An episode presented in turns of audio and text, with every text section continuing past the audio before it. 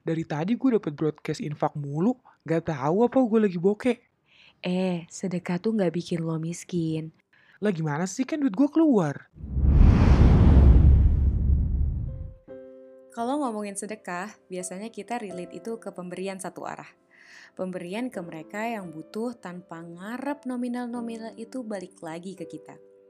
Banyak dari kita mikir kalau duit udah dikasih ke orang lain, ya ya udah, uang itu adanya di dompet orang lain. Yang kelihatan di rekening kita tuh berkurang. Nah, kalau mindsetnya kayak gitu, wajarlah banyak dari kita suka ngerem-ngerem dan mikir berkali-kali kalau ngeliat kotak amal. Nah, di Quran ada tuh ayat yang ngomongin infak, tapi gaya bahasanya, bah, ciamik Penuturannya sekilas emang indah banget, tapi sebenarnya isinya itu loh nyentil abis. Buat kita yang baca pasti ngerasa malu semalu-malunya dan semoga ini bisa nyentuh tiap-tiap sudut hati kita yang punya bibit pelit. Ayatnya, Man dzalladzi yuqridullaha qardan hasana fayudha'ifahu lahu wa lahu ajrun karim. Barang siapa meminjamkan kepada Allah dengan pinjaman yang baik, maka Allah akan mengembalikannya berlipat ganda untuknya, dan baginya pahala yang mulia. Quran Surah Al-Hadid ayat 11 Gini-gini, biar kamu paham, anggaplah suatu hari ada seseorang yang berjasa banget sama kita, hidup dan mati.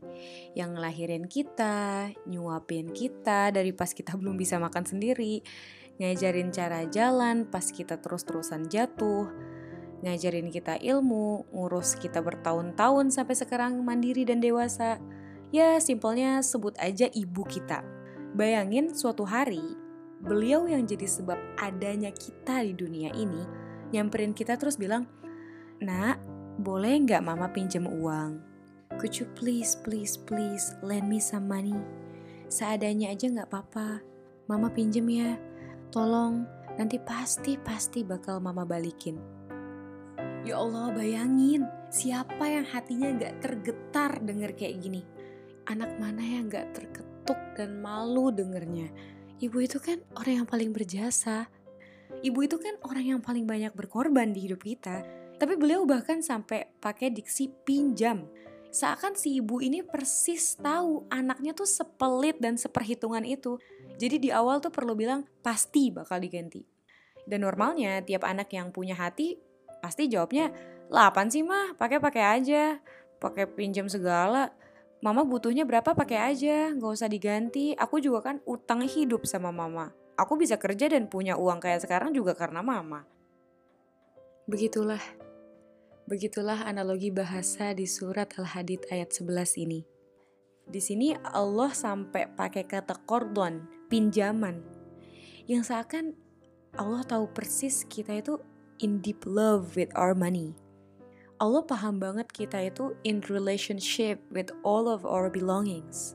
Allah ngelihat banget bahwa kita semua tuh terlalu posesif sama semua yang sejatinya cuma milik Allah. Makanya di sini Allah kayak bilang, ya udah, kalau kamu pinjemin ke aku, nanti pasti aku balikin. Bahkan melting-meltingnya lagi, penggunaan diksi pinjaman, kata pinjaman itu sendiri, seakan ngasih kesan kalau semua harta ini milik kita. Ya Allah ya Halim, betapa santunnya Allah membahasakan ini semua punya kita. Padahal bukan. Terus ini lagi, fayudha'ifahu lahu wa lahu ajrun karim. Nih, logikanya ya, logikanya. Kalau kita minjem barang ke yang 100% hak milik dia, ya harusnya pas diminta kasih-kasih aja kan.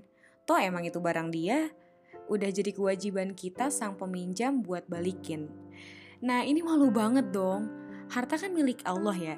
Kalaupun dikembaliin ke Allah dengan infak, ya harusnya gak usah capek-capek balas pahala dong, ya kan? Karena emang ini semua punya Allah. Ibaratnya kita cuman kayak balikin ke yang punya aja kan? Iya, tapi baiknya Allah, mulianya Allah. Dia bilang yang berinfak hartanya bakal dilipat gandain dan dapat pahala yang mulia nanti di akhirat. Masya Allah. Selain itu, sebenarnya ada dua hal lagi kenapa ayat ini tuh such a shame for all of us. Pertama, gini, Misal, kita punya kenalan orang yang baik banget, tangannya ringan banget buat selalu ngebantu. Tiap kali kita minta sesuatu, dia nggak pernah bilang nggak. Pokoknya dari kita kecil sampai gede, hidup kita tuh nggak pernah berhenti nerima aliran kebaikannya. Nah terus suatu saat nih, orang ini mau pinjem sesuatu. Lah masa ya kita ragu-ragu minjemin ke orang yang paling berjasa gini, yang sama kita aja paling baik? Begitulah, begitulah dengan Allah. Allah yang telah membesarkan kita, mendewasakan kita, menguatkan sendi dan tulang-tulang kita, terus juga tetap ngizinin jantung kita berdetak walau lagi maksiat. Masa kita sepelit itu? Di mana akal dan hati kita? Terus yang kedua, misalnya gini, ada gelandangan nih, ceritanya datang ke kita mau pinjam duit. Pasti sebelum kita ngasih, kita mikir-mikir dulu, aduh nih duit bakal balik nggak ya? Atau mungkin kita bakal banyak menimbang dan mikir, aduh ntar kalau gue pinjemin dia balikinnya pakai apa gitu ya kan. Ya gimana enggak, orang sehari-harinya aja sesusah itu. Nah sebaliknya, kalau ada orang kaya nih, misal pengusaha papan atas, CEO perusahaan terkenal, tiba-tiba dompetnya ketinggalan. Terus dia mau pinjem duit buat bayar makanan, ya pasti kita pinjemin dong. Kenapa? Karena kita tahu dia bisa banget balikin dan duitnya pun banyakkan dia daripada kita.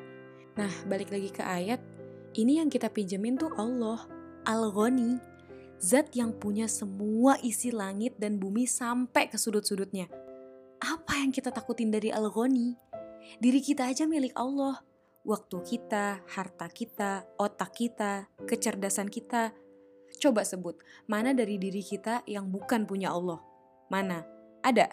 Gak ada. Dan sejatinya Allah tuh gak butuh pinjaman-pinjaman dari kita, tapi kitalah yang butuh itu. Karena kita butuh pahala, Allah tunjukin tuh gimana caranya buat dapetin itu.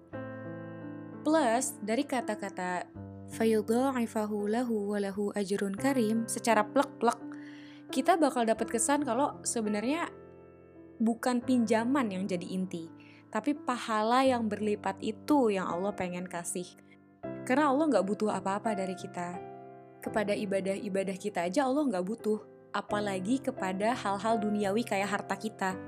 Allah itu udah berada di puncak-puncaknya kekayaan. Jadi nggak akan bisa bertambah lagi ataupun berkurang lagi kekayaannya. Apalagi cuma sekedar nerima pinjaman receh dari kita. Astagfirullah. So, begitulah rasanya ayat ini. Semoga bisa selalu jadi bahan refleksi buat kita semua. Kenapa ya kita bisa sebegitu serakahnya sampai butuh persyaratan pinjam meminjam dulu sama Allah. Kalau janji Allah nih yang punya segalanya aja enggak juga bikin tergerak, terus dengan apa lagi kita akan tergerak?